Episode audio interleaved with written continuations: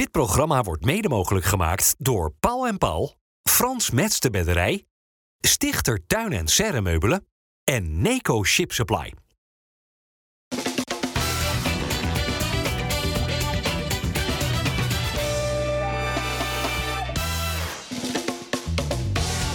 Goedendag dames en heren, hartelijk welkom bij FC Rijnmond. We hebben een eh, paar kanonnen aan tafel op deze maandag. Want ziet hier zitten Robert Maaskant, die zit zijn huiswerk nog te doen. Welkom Sinclair. Robert. Sinclair Bisschop, terug op het oude nest. Van ESPN nu even bij Rijnmond. En Geert en Oude. Welkom mannen.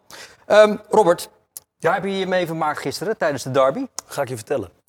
De go- Ja, dat is wel de bedoeling, jouw Rotterdamse, de Rotterdamse derby of... eh, Ja, ja, precies. Ik ben- Oh, jij was bij de Ik ben nog wel bij derbies eh, geweest. Eh, de tweede goal van Feyenoord. Omdat je, als je tegen een, eh, een Sparta speelt wat zo compact en zo gegroepeerd speelt... eh, had PSV tegen Volendam ook een beetje last van. Dan moet je daar maar doorheen zien te komen. Nou, ze kregen een, een penalty, terechte penalty, zullen we het misschien nog over hebben. Maar vooral de tweede goal, tactisch gezien. Vanaf die linkerkant opbouwen, aan de rechterkant lopen de mensen de 16 in... en dan die bal net over die laatste lijn inleggen. En dat is echt de manier om doelpunten te maken... tegen een ploeg die helemaal met 10 man in de 16 staat. En dat deed Feyenoord hartstikke goed. Tweede En ze helft. deden het alleen een beetje laat. Ja, maar- waarbij de assist mooier was dan de goal. Eh, nee, ik vond de goal ook mooi. Oké. Want je moet hem, en eh, dat kan die Lange ook eh, wel aardig vertellen... je moet hem maar net eventjes zo met het Je had het nu niet buitenkantje... tegen mij, denk ik. Hè? Om te lachen. Je moet hem maar met carnaval, kan je misschien leuk op stelten. Eh, met het buitenkantje rechts zo even binnen tikken. Dat, dat vraagt toch nog wel wat gevoel voor een bekkie, hoor. Ja. Dus eh, ik zou het niet kunnen, maar goed, er zijn mensen aan tafel die het wel kunnen. Hè? Maar was die paas van Ivan Nucic niet misschien wel het hoogtepunt? Nee, die weer een dat- teken dat van is leven gaf? Dat, ik, de, de hele goal is een compleet goede goal. Gewoon naar binnen komen, de actie maken, de dreiging hebben op het schot. Waardoor een verdediger ook niet maximaal op die voorzet ingaat. Nou, dan komt die bal eroverheen, die perfect gegeven was, ben ik helemaal met je eens. En dan wordt hij ook nog goed afgemaakt. Geert, het Dus- was de negende keer op rij dat Feyenoord niet verloor. En het speelde voor, nou ja, Ja, dat is keurig natuurlijk. En eh, de vijfde keer de nul op rij. Hoe goed vind je ze op dit moment? Nou, nog, nog niet wat ze kunnen. In de verste verte niet. Eh, alles wat wij, eh, overigens technisch gezien of eh, mathematisch gezien, eh, heeft Feyenoord meer punten dan de vorig seizoen. Dus Ja. alles wat ik zeg dat slechter is, dat kan zo weer de prullenbak in. Maar ehm, als je kijkt naar het voetbal, als je dat vergelijkt met vorig jaar, wat ik, dat is niet altijd goed om te doen, maar mensen doen het wel en ik vind het ook wel eens goed om te doen, dan kan het nog beter. En natuurlijk heeft Feyenoord blessures, blessures nu. Ehm, maar ja, en voor de rest was het een plichtmatige overwinning. Ja, eh, inderdaad, blessures Sinclair. Als je het bij elkaar optelt van Feyenoord en Sparta, heb je bijna een heel elftal aan afwezigen. Om te beginnen even Jiménez. Hoe eh, ernstig is dat? Is Kuit, blessure? Kuitblessure heeft hij overgehouden aan die bekerwedstrijd eh, tegen AZ. En de dag daarna ja, had hij er last van. Kon dus niet trainen en dus ook niet de wedstrijd spelen. Maar de verwachting is wel, wordt de komende dagen gekeken. Vandaag sluit hij zich eh, weer aan. Ja.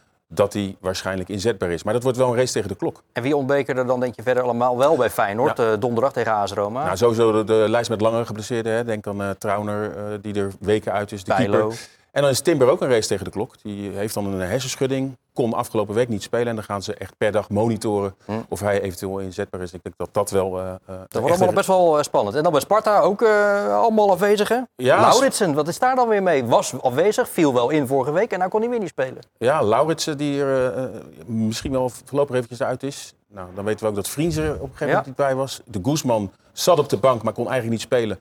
En zo heb je Schiet best... niet op hè, met de Guzman. Nee, nee. Komt natuurlijk wel op een leeftijd waar je, waar je natuurlijk wel wat sneller, misschien met kleine blessures, wat langer eruit bent. Maar wat zegt dit allemaal, jongens? Al die blessuregevallen bij die ploeg op dit moment? Ja, het zegt mij helemaal niks. Ik, ik kan er, eh, eh, weet je, je kan daar allemaal iets over gaan roepen, over overbelasting of te veel wedstrijden of eh, niet goed uit de winterstop. Nou ja, in het Is er geval van niet- Feyenoord kun je zeggen, het waren ook nog eens allemaal topwedstrijden de laatste weken. Ja, nou ja dat, dat zal wel. Dat- Met ook nog eens en- vier spelers die afwezig waren. Uiteraard heeft het met belastbaarheid te maken, maar het kan ook wel gewoon eens toeval zijn. Weet je wel, blessures die, die je ergens oploopt. Eh Bijlo vind ik geen toeval meer. Dat, dat vind ik echt, ik heb hier dat wel eens vaker eh, in Rotterdam gezegd. En dat weet ik dat ik me daar niet heel erg populair mee maak. Maar het is gewoon echt een probleem. Op het moment dat je bijna 50% van je wedstrijden niet speelt voor je werkgever, dat is nogal wat. En zeker zo'n belangrijke positie als hij dat heeft. En het is verschrikkelijk voor die jongen. En iedereen leeft met hem mee en iedereen heeft ook sympathie voor hem. Het is een fantastische keeper. Maar voor een grote transfer wordt daar wel naar gekeken. Voor het Nederlands elftal wordt daar wel naar gekeken. Maar Koeman, sommigen zijn Koeman ook... kan zich niet permitteren om een keeper mee te nemen en te zeggen: ik kies voor jou. En, dan, En na, na, na de tweede training ligt hij eraf. En, en je weet het niet bij hem. Dat klopt. Maar sommige zijn toeval. Kijk, wat bij Timber gebeurt, dat eh, kan je van tevoren niet voorzien.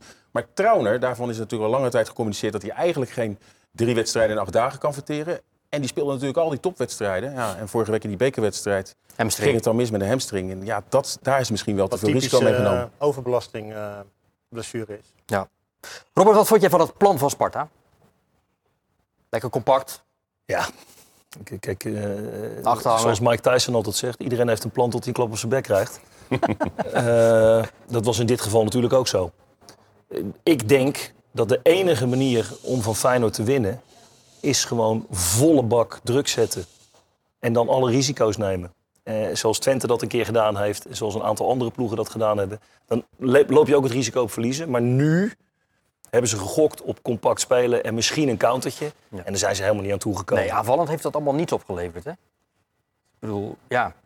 Nee. Konden niet heel Eén veel counter. brengen. Eén en counter. een eh, vrije trap op de 16. Ja. Na een hensbal buiten de 16 eh, van Welleroyter.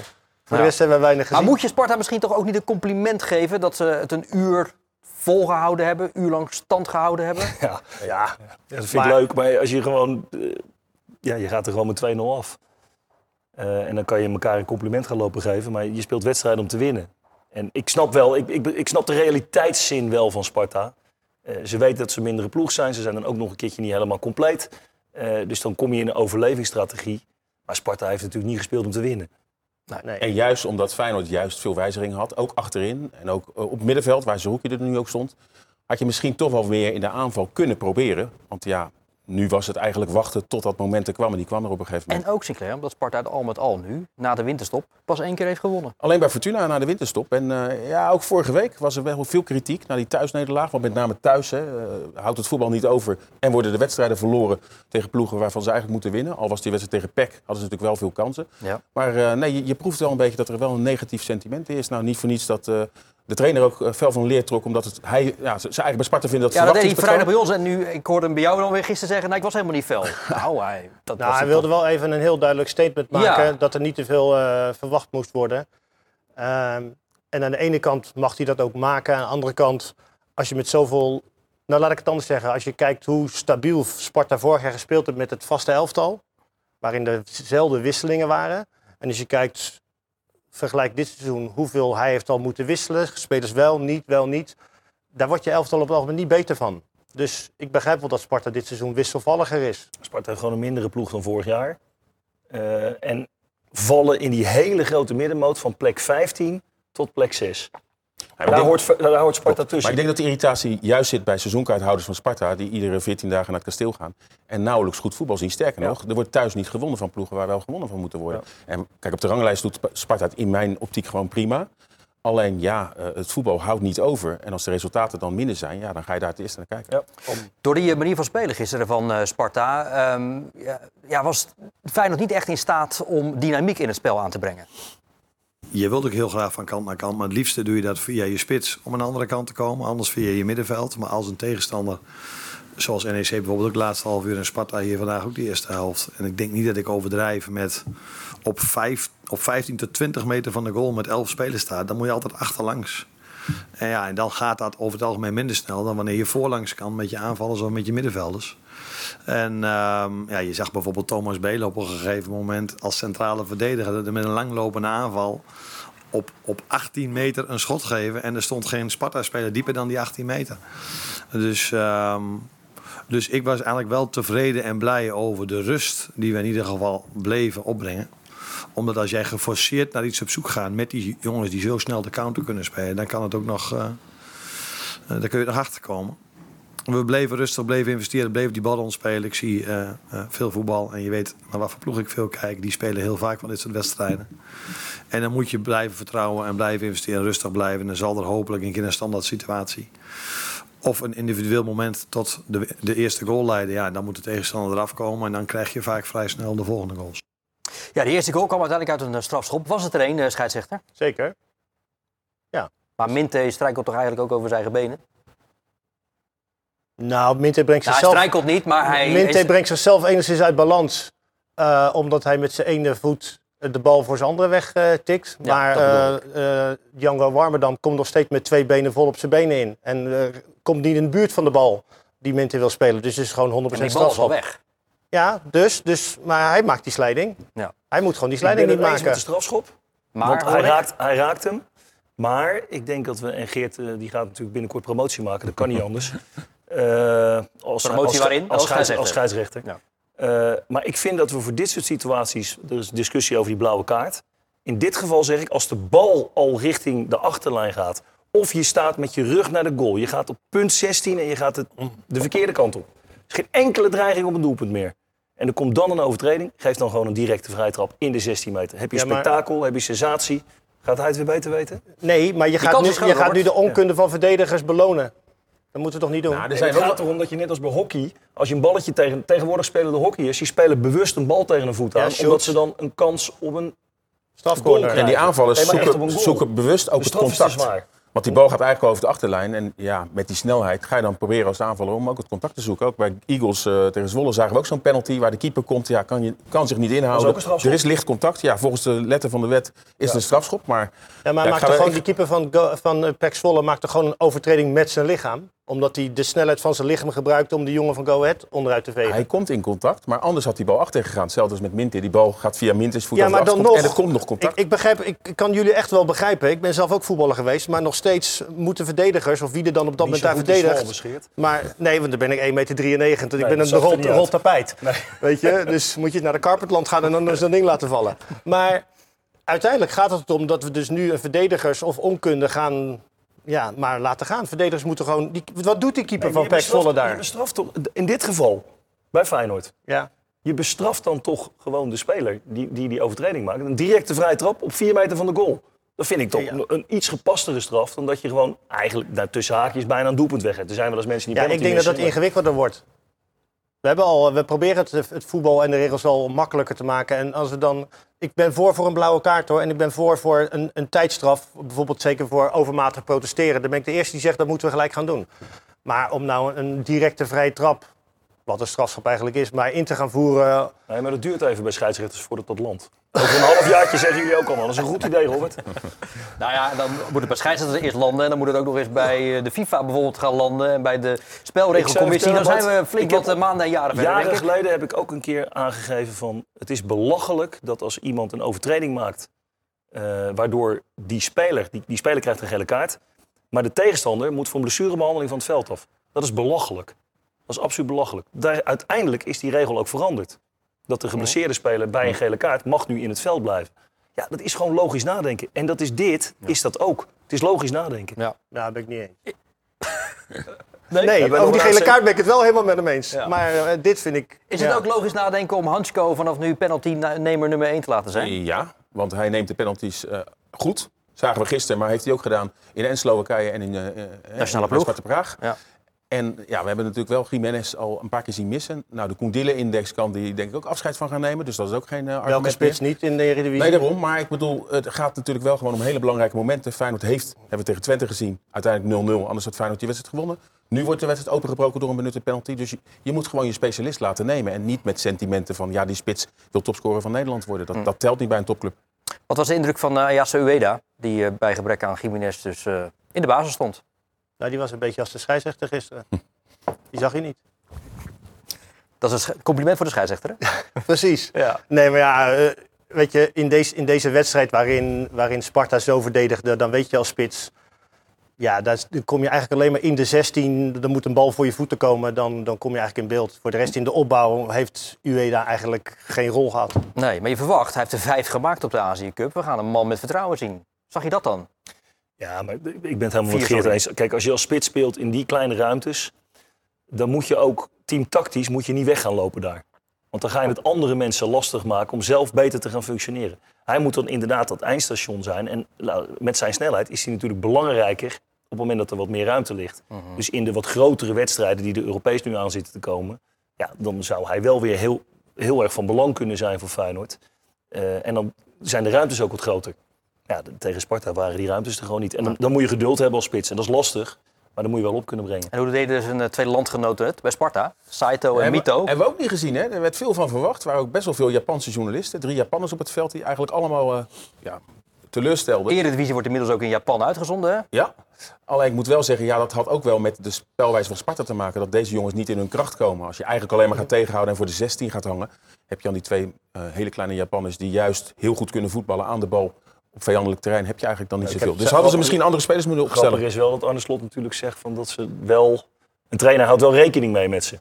Nou, ze Door de snelheid en de afstand. En, eh, Ja. ja. maar van tevoren, Rijsdijk wilde er niet van voor de wedstrijd te veel over vertellen. Maar wat ze eigenlijk deden was, in plaats van Briem, met name Saito in de spits. Maar eigenlijk is dat eh valikant mislukt, want ze zijn nauwelijks voor de goal gekomen. Saito, gelukkig zagen we Saito de tweede helft na de doelpunt ook weer een beetje vanaf de zijkant die acties die hij kan maken. Een klein beetje weer terug. Dus ik hoop voor hem. eh, Hij trok op voorhand wel een beetje een rookgordijn op hè, bij jou in het interview, Ja. Rijsdijk. Van hoe hij het nou voorin ging eh, invullen. Was het uiteindelijk allemaal zo'n verrassing dan? Nee, Nee. want het zijn gewoon drie eh, ja, bewegelijke aanvallers die ze hebben... waarmee ze probeerden eh, pijn te doen, bij, eh Feyenoord pijn te doen... en met name ook ballen achter de laatste lijn. Maar goed, ze hadden denk ik niet verwacht dat Belen toch sneller oogt... dan iedereen van tevoren misschien had gedacht. Ja. Die goed speelde. En eh, ja, verdedigend stond het wel goed bij Feyenoord. Staat het eigenlijk wel de laatste week. Hoe wel bevalt. Brim in de spits? Ja, nou ja, eh, we hebben het in die vorige wedstrijd tegen Feyenoord natuurlijk gezien dat hij twee keer scoorde. Ja. En, en, en toen deed hij het goed. Maar in al die andere eh, beurten die hij kreeg als spits valt hij mij toch een beetje tegen. Hij is snel, ja. Maar voor de rest eh, vind ik hem aan de bal niet- nog niet Ik echt. vind ook meer een jongen die een beetje vanaf, vrij vanaf de zijkant moet spelen. Dat vind ik hem het meest Toen effectief. Saito natuurlijk zo lang aanwezig was, speelde hij daar wel Ja. regelmatig. ja, Ja, nee, maar goed, bij Eindhoven was dat natuurlijk ook al het geval. Ja. En, en daar is hij denk ik het meest dreigend. Dan heeft hij ook iets minder verantwoording voor de rest van het elftal. Al met al hè, ehm, is het allemaal toch nog niet zo beroerd, vindt de trainer van Sparta, Jeroen Rijsdijk.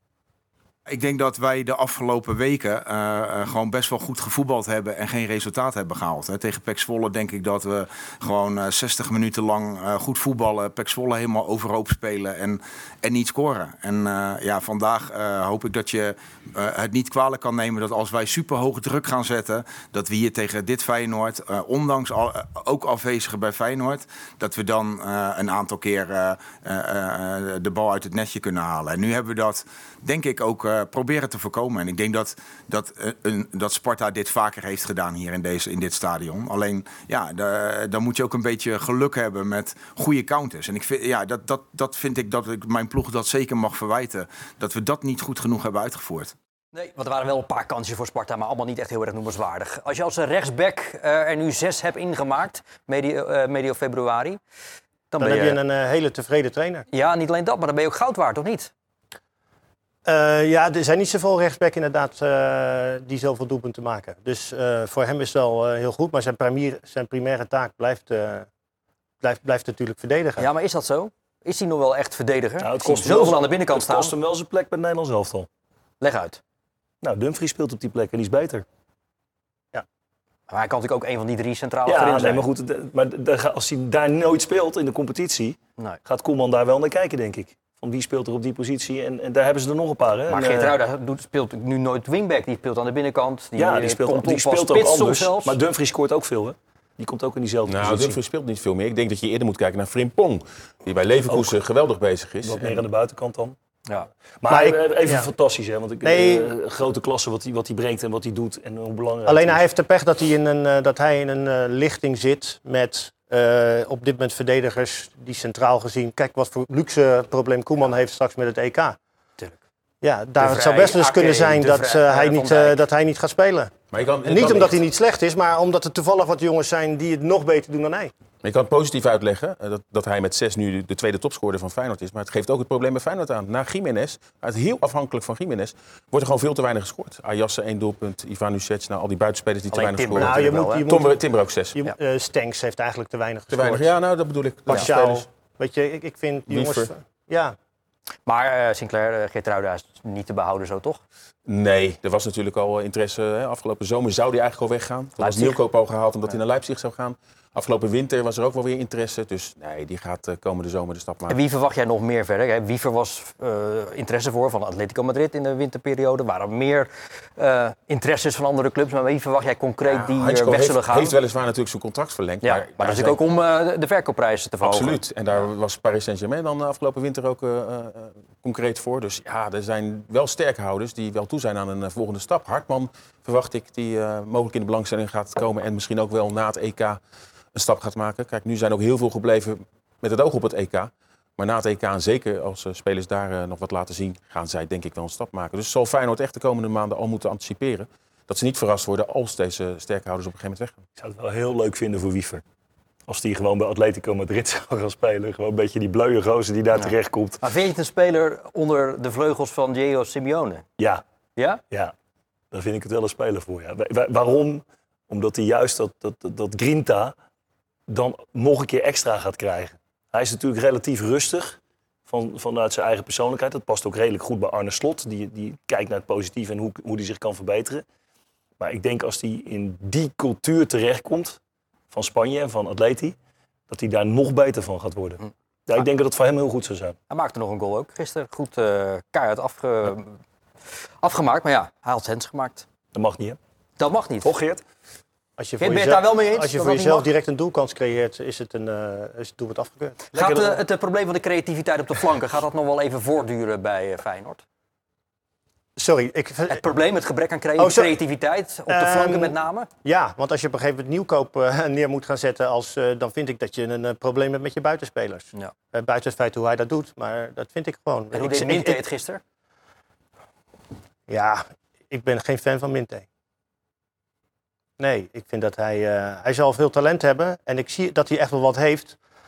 Maar... Het is wel een wapen, denk ik, in die belangrijkere wedstrijd tegen Roma met zijn snelheid. Ja, oké, maar eh, volgens mij had Feyenoord voor de winststop ook een wedstrijd waarin, hij, waarin Slot eh Minte opstelde. Was dat die laatste wedstrijd in de Champions League? Celtic uit, Toch zeker. leed die continu uit. Celtic. En toen bracht hij helemaal niks. En ik heb hem aan het begin van het seizoen ook, ook in de competitie doelpunten zien maken. En dat hij echt wel wat heeft. Hij is natuurlijk razendsnel. Alleen het rendement is, is gewoon veel te weinig. En uiteindelijk moet ik ook ik hem daarop, en uiteindelijk heel Feyenoord, of de trainer van Feyenoord en de directie op hem op beoordelen. En we kunnen natuurlijk blijven zeggen, hij is 19 of 20 inmiddels, dat weet ik niet. Speelt maar nog niet zo lang betaald voetbal. speelt nog niet zo lang betaald voetbal. Hij is natuurlijk eh, ergens eh, van de straat eh, geplukt. In Denemarken. Precies, om zo te zeggen. Nou ja, dus het mag misschien ook nog wel. Alleen ja, het rendement is nog te weinig. Dus ik, ik ben er nog geen fan van. Hm. Wel een fan van Paschal? Nou, op zich wel, alleen die scoort gewoon te weinig. Dus, dus kijk, ik wil niet iedereen zeggen dat iedereen uit vorm is. Ik ben ook wel eens uit vorm, dan heb ik ook nog steeds fans. Maar dus ja, En die bel je dan s'avonds allemaal even op? Want dan Ja, dan ga ik ze zelf bellen. Ja, ja, ja. ja, hij belde mij ook als ik niet uit vorm was. Dan belde hij me ook op, joh Geert, komt allemaal goed. Ja? Weet je, dus Hoe, hoe zei jij tegen hem als je hem passeerde? Wat, eh, of deed dat nooit? moeten we het daarover hebben? Weet ik, heb ik jou eens gepasseerd? Ja, ongetwijfeld wel eens. Ja, je hebt me wel eens gepasseerd. Dat verhaal ga ik niet oprakelen hier. Dat was blijkbaar pijnlijk.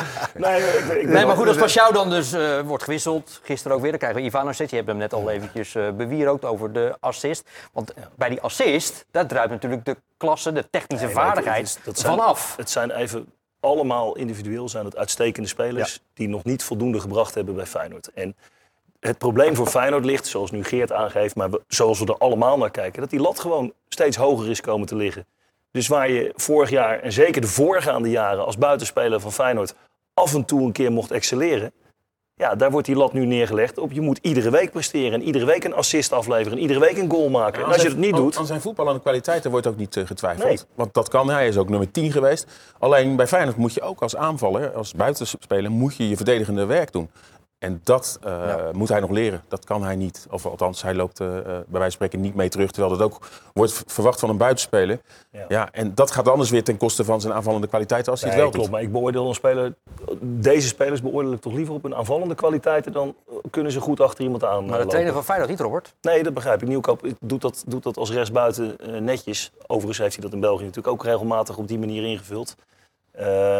Maar ik vind dat je altijd, en zeker in de Nederlandse competitie, internationaal, Allah, heb ik er nog vrede mee. Maar in de Nederlandse competitie tegen de Sparta's, tegen de Excelsiors, tegen de Heraclessen. Ja, dan moet je gewoon kijken naar aanvallend. En dan moet je het verdedigend oplossen. Weet je, de, de, de Real Madrids en de, eh de nou, Atleti hadden we het net over. Ja, Ja, maar dan gaat er weer ten jij koste denkt van... niet dat Griezmann continu achter Nee, maar dat gaat dan weer ten koste Tegen- van Hartman tegen, eh, en Geertruida, die nu juist een wapen zijn. Maar als je die weer meer achterin moet houden. Dus ik kan me wel voorstellen dat als je voor deze speelwijze kiest, dat je dan zes- ook meer verwacht van je Met zes man buitenspelers. verdedigen in de Nederlandse competitie als Feyenoord kom je er ook wel uit. Gaat om de krijg je omschakeling, misschien hè? een keer een goaltje tegen, Hoe hoger maar dan je maak je, staat, er, maak je er twee meer. maar hoe hoger je staat als, als ploeg, eh, hoe gevaarlijker het wordt in de omschakeling. En dan word je geslacht anders. Dat vind ik allemaal wel trainerstaal. Oké, eh, nou, Ja, gaan we er dat niet mee. Dat zijn werk. Jij bent normaal Dat vind ik ingewikkeld. Eh, Ik had trouwens net over te- technische vaardigheid. Dat had Said Bakari ook eventjes hè, zo aan de, de zijlijn. Hoe hij daar Pashao eh, uitspeelde. Dat was eh, knap. Dat was dan even een genietmoment als het gaat om eh, Sparta. Eh, en bij Sparta hebben ze ook wel genoten van het spelen in een volle kuip. Ook de keeper. Ja, vind ik wel. Het is prachtig. Ik, heb het ook, eh, ik zei het ook in de kleedkamer. Uiteindelijk ben je hier profvoetballer voor geworden. Om in zo'n stadion eh, te mogen spelen. Eh, dus ja. ja, uiteindelijk ben je wel voetballer. Dus je wilt gewoon winnen. Zou je hier vaker willen spelen? Ik vraag dan, omdat het gerucht nu gaat, dat jij en Feyenoord elkaar eh, gevo- gevonden hebben. Ja, we hebben vandaag eh, 2-0 verloren. Maar, Nou ja, volgens bent- mij hebben zij gewoon op dit moment de nummer 1 keeper. dus van een overgang van Nick Olij naar Nee, maar Feyenoord nogmaals, is, geen hebben enkel... volgens mij op dit moment gewoon een nummer 1 keeper. En dat is Justin Bijlo. En dat is het eigenlijk. Dus nee. Ja, er is niks. Dus ik, ik kan niet ja zeggen of nee. Oeh, dit werd even ongemakkelijk. Ja, maar eh, hij weet dat hij bij de topclubs op de radar staat. En ook Feyenoord moet eh, een schaduwlijst hebben. Afgelopen zomer was er al interesse in Bijlo. Dus ook als Bijlo niet geblesseerd was, staat hij op de radar. En inderdaad gaan er steeds meer geruchten dat, eh, dat daar wel al stiekem gepolst is of hij eventueel open zou staan. Ze weten zijn situatie, ze weten wat hij ongeveer moet kosten. Dus als het moment zich voordoet dat of Wat Bijlo... moet die kosten? Maar is dat een vraag? Of Olij open zou staan voor Feyenoord, is dat een vraag? Nee, maar dat hij eh, eh, op de radar staat bij Feyenoord. Dat Feyenoord dat is natuurlijk, en dat is logisch, dat topclubs in eerste instantie kijken in de eigen competitie. Of een speler, een keeper, een meerwaarde zou zijn. Nou, dat is hij, dat die beoordeling is gemaakt. En dus, nou, hij stond ook al bij Ajax op de radar natuurlijk afgelopen zomer. Hij staat ook bij Feyenoord op de radar. Of het ooit een huwelijk gaat worden, dat is de tweede. Maar feit is wel dat als of Bijlo toch nog na de zomer wordt verkocht. Of misschien eh, qua blessures, dat uiteindelijk de beslissing wordt genomen, hij is de blessuregevoelig. Dan is het niet gek eh, dat Feyenoord bij deze man aan Zou Feyenoord het aandurven om in een Brighton-constructie te gaan werken? Om en om. Om en om. Nee, dat moet je Doen denk ze ik nou, als club doen ze nooit nou, willen. Doen ze nou ook? Ja, waarom niet? Ik kan toch out of the box denken? Nou, Jij hebt het er ook als je nou twee- wordt als trainer. Weet je wie dat ooit eh, Nee, gedaan ik, heeft? had, ik had het echt de nummer één keepers. Trouwens, is niet waar, want ik heb met... Gerard de Nooijer heeft het bij Dordrecht gedaan. Hè? Om de week een andere keeper, maar dat, dat, dat werd op een gegeven moment werden die keepers... het is niet gebruikelijk, maar wa- waarom zou je het niet doen? Als je nou twee hele goede keepers hebt en je zegt van... joh, jij bent voor die, bij die aantal wedstrijden ga jij spelen... en jij gaat die wedstrijden spelen. Dat zou toch prima kunnen? Gaat toch, je doet- dat doe je met een spits of met een, met een centrale verdediger soms ook. Dat je gewoon iets verder denkt dan alleen maar standaard nummer één keeper en dat is hem. Ik denk Zeker dat met het het aantal wedstrijden wat je speelt. gaat misschien wel ten koste toch van eh, de concentratie bij keepers... die dan ja, echt weten bij een fout van nu lig ik er weer uit. Maar Je gooit allemaal inventieve ideeën vandaag op hoezo? tafel. Maar de- over de indirecte vrije een, trap. en keeper dan weer ligt, dit. een keeper ligt toch niet bij één fout eruit? Noppert heeft toch ook eh, een week of zes eh, niet zijn beste wedstrijden gehad... voordat Kees Verwonderen uiteindelijk zei, ik ga achter hem staan. En eh, een week later zat hij op de bank. Staat ook op de lijst bij Feyenoord, denk ik. Hoe zal de achterhoede er donderdag uitzien tegen AS Roma? Gaat Ehm, Belen zijn kansen krijgen en pakken? Ja, ik denk dat hij ook gisteren wel bewezen heeft dat hij, eh, dat hij inderdaad het aan kan. Zeker ook tegen die fysiek sterke eh, spitsen zoals bijvoorbeeld Lukaku. Eh, aan de andere kant wil ik hem nog wel testen. We hebben nu gezien dat hij het goed deed Kan ook geen trui het centrum zetten en Nieuwkoop rechtsback. Ja, maar ik denk Of dat Nieuwkoop in deze wedstrijd weer rechtsbuiten? gaat beginnen. En dat je dan later altijd nog kan switchen met eh, de snelle Minte te brengen. Maar het gaat verdedigend goed. Hè? Alleen moeten we wel met die nul tegendoelpunten de laatste vijf wedstrijden... moet je ook een beetje met een korreltje zout nemen. Hè? Flap, die ja, normaal gesproken doelpunt had gemaakt. Lang had een penalty moeten hebben. Met andere woorden, hadden ook tegendoelpunt kunnen zijn. Toch oogt het wel wat stabieler eh, achterin eh, bij Feyenoord. En ik ben benieuwd. Hij deed het ook goed bij Celtic in die wedstrijd die Feyenoord verloor. Dus ja, het is een zou goede test voor hem. Ik zou het mooi vinden als ze het zouden doen. Als Slot het zou durven. Ik vind het wel een risico. Zeker als je Geert Reida en Nieuwkoop hebt. Eh, en, en je kan aanvallend daar nog met een extra middenvelder spelen. Want ik denk dat ze dat wel zullen doen. Vind ik het wel een risico om hem in één keer op dat niveau te laten starten. Maar goed, We gaan het zien donderdag. Hoe staat Roma ervoor? AS Roma. Na de trainerswissel met name. Nou, die, die hebben een, eh, een goede fase achter de rug. Al verloren ze afgelopen weekend wel. Thuis van Inter. Maar De goed, koploper. Inter is de koploper. Ja. En ze hadden nog kans op 3-3. Uiteindelijk hebben ze voorgestaan verloren met 2-4 thuis. Maar voetballen wat eh, aanvallender dan onder Mourinho. En uiteindelijk eh, hebben ze bijna iedereen ook aan boord. boord. Komen ze richting Rotterdam. Ja, Rick Karsdorp, die gaan we weer zien in de Kuip. Gaat Karsdorp nou achter Pashao aan rennen of Pashao achter Karsdorp donderdag? Mm, nou, ik, ik, als Karsdorp speelt, dan zal Pashao er wel achteraan moeten. Want we kennen zijn stijl. En eh, dat is veel naar voren. En of de trainer van Roma moet zeggen, dat wil ik niet. Maar als je met hem speelt, weet je dat hij heel veel op de helft van de tegenstander komt. Hm. En dat vind ik ook wel mooi om te zien.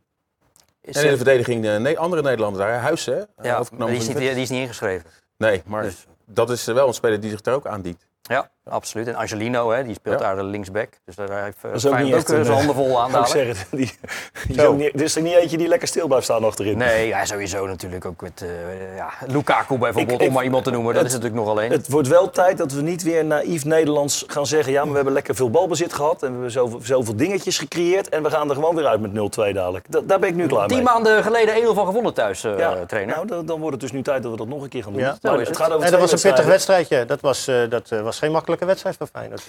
Sinclair, wat overkwam eh, Excelsior de, het eerste kwartier thuis tegen FC Twente? Die werden het eerste kwartier werden ze echt, kregen ze alle hoeken van Woudenstein eh, te zien. Dan denk je te beginnen. en Eigenlijk in alle thuiswedstrijden van Excelsior gaat het vaak goed. Komen ze ook wel vaak op voorsprong. Maar ja, dit leek helemaal nergens op. En dan helpt het niet mee als eh, ook de keeper eh, in de eerste minuut wel een bal Ja, dat had was kunnen wel pakken. pijnlijk, hè? Die Ja. 0-1. Ja. Uitgerekend een keeper waar we hoog over opgeven natuurlijk. En terecht al eh Ja, anderhalf gaat jaar. daar in de fout. Ja. En dan wordt het ook al heel snel bij een standaard situatie. eh, wordt het eh, 2-0 van Wolfswinkel en 3-0. Ja, en dan Maar de zwakte van de ik- verdediging, is die wel zorgelijk?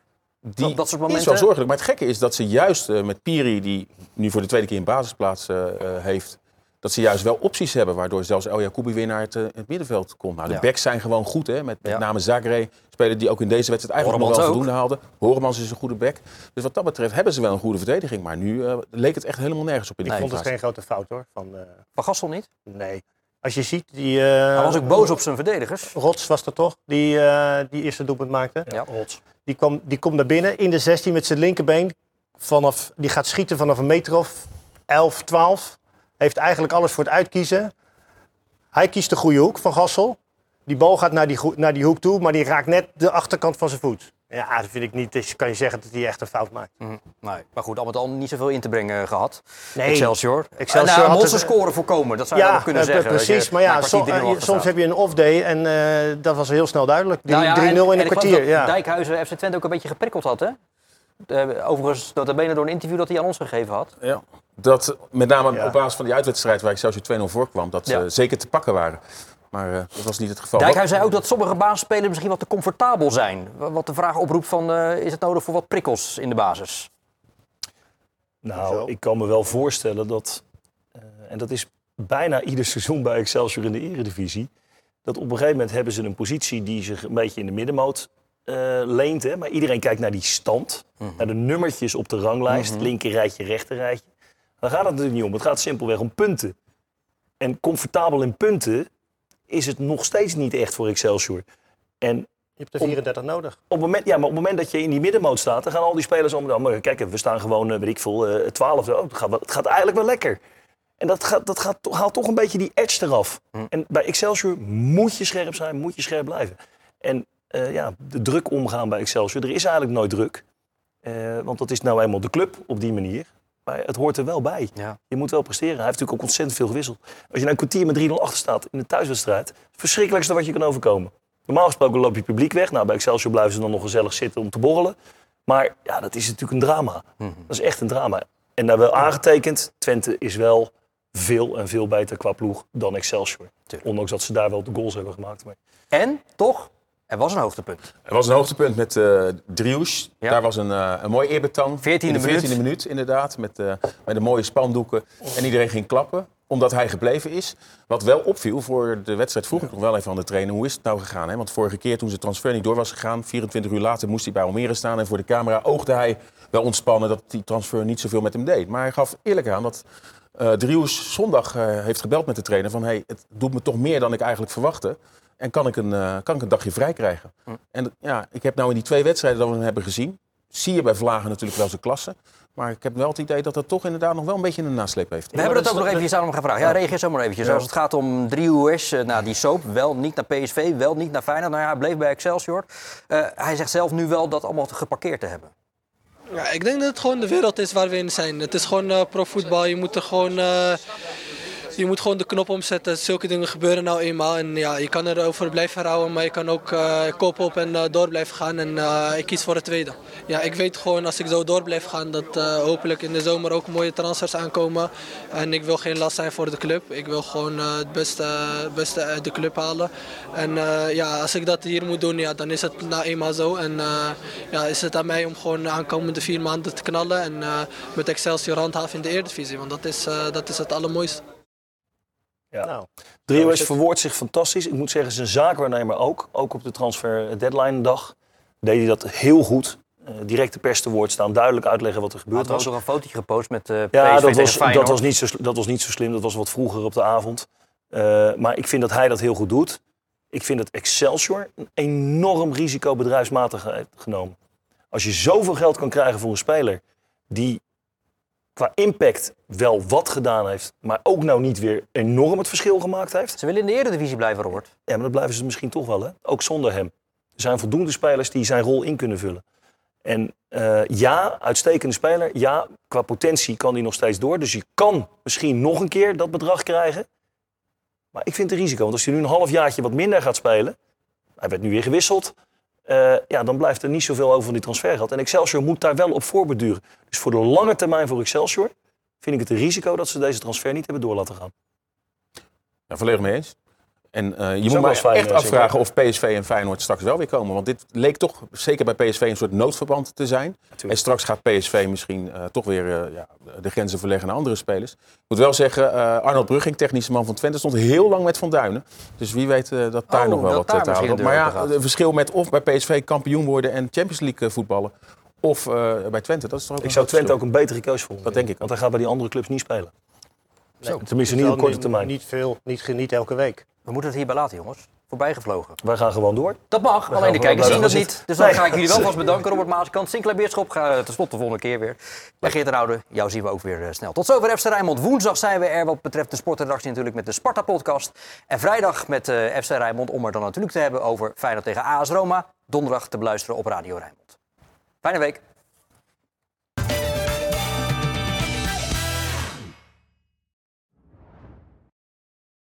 Dit programma werd mede mogelijk gemaakt door Paul en Paul, Frans Mets de Bedderij, Stichter Tuin en Serremeubelen en Neco Ship Supply.